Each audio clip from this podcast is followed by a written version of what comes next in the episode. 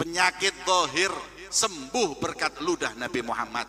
Bukan cuman yang dohir yang batin pun sembuh. Hadirin ini ada perempuan nih. Perempuan ini terkenal akhlaknya nggak baik. Jelek suka ngomel. Ada nggak di Jakarta yang gitu hadirin? Seorang wanita istri suka ngo ngomel. Suaminya udah capek kena orang ini dan orang sekitar sekitarnya juga capek ini sama orang. Kenapa? Suka ngomel. Ngomongnya itu nggak enak. Suatu saat Rasulullah lagi makan dengan para sahabat hadirin. Eh perempuan ini lewat. Kata sahabat ya troublemaker lewat nih. Pasti ngomongnya nggak enak. Bener Rasulullah lagi makan hadirin. Ini perempuan bilang, "Eh, kamu ngakunya nabi, tapi nabi pelit. Makan gak bagi-bagi." Kata Rasulullah, "Ambil aja, jangan nanggung semua." Oh, kata sahabat, ini kurang ajar kan? Udah aku kira ini mulutnya nggak enak orang ini. Kemudian hadirin,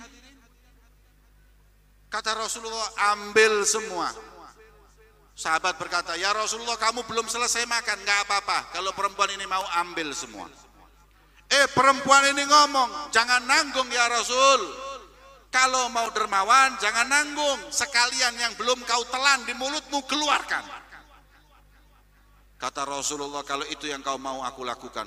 Uh, kau sahabat udah nggak kuat ini. Sudah nggak kuat ini sahabat. Ya Rasulullah, biar saya yang tangani, nggak usah biarin kemudian yang di mulut Nabi di, dikeluarin tapi yang di mulut Nabi dikeluarin campur ludah Rasulullah ini perempuan makan tanpa sengaja yang bekas ludah Nabi kemakan. Setelah kemakan periwayat cerita ini berkata demi Allah semenjak dia makan ludahnya Rasulullah tidak keluar dari lisannya perkataan kecuali yang indah dan baik. Masya Allah hadirin. Itu mulutnya orang yang buruk kena ludah Rasulullah langsung jadi baik. Itu ludah Nabi. Lain nama ludah kita hadir. Ludah kita kena mulut orang, masya Allah, hewan sekebun binatang keluar semua hadirin. Makanya itu, yang namanya perempuan kalau suka ngomel itu perlu kena ludah. Kalau zaman Nabi Rasulullah. Tapi kan sekarang nggak udah Nabi, ya udah kasih ludahnya ulama. Tolong para kiai-kiai kalau ada perempuan-perempuan banyak ngomel, ludahin aja. Insya Allah berkah. Amin ya Rabbal. Iya. Hadirin, ludahnya ulama jangan main-main. Itu di Jawa ada hadirin. Satu ulama pelat, nggak bisa ngomong jelas suruh buka mulut diludain subhanallah langsung fasih ya pokoknya jangan salah ulama hadirin. Saya pernah ada orang minta hadirin ludah saya.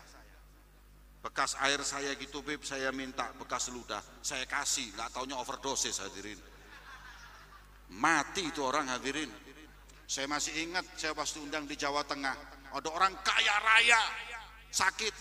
Minta doa sama saya, saya kasih air, uh saya bacain, ya Allah biasanya saya bacain nggak sampai semenit. Begitu orang itu kaya dan saya bangun pesantren nggak jadi-jadi. Saya mikir ini kalau berhasil sembuh minimal satu miliar ini. Saya bacain, saya bilang nanti dulu satu jam. Ini masya Allah air bening sampai nggak kelihatan nih hadirin. Ketika masya Allah diminum itu air, masya Allah hadirin. Dapat seminggu saya dikabari Pak Haji meninggal dunia hilang satu M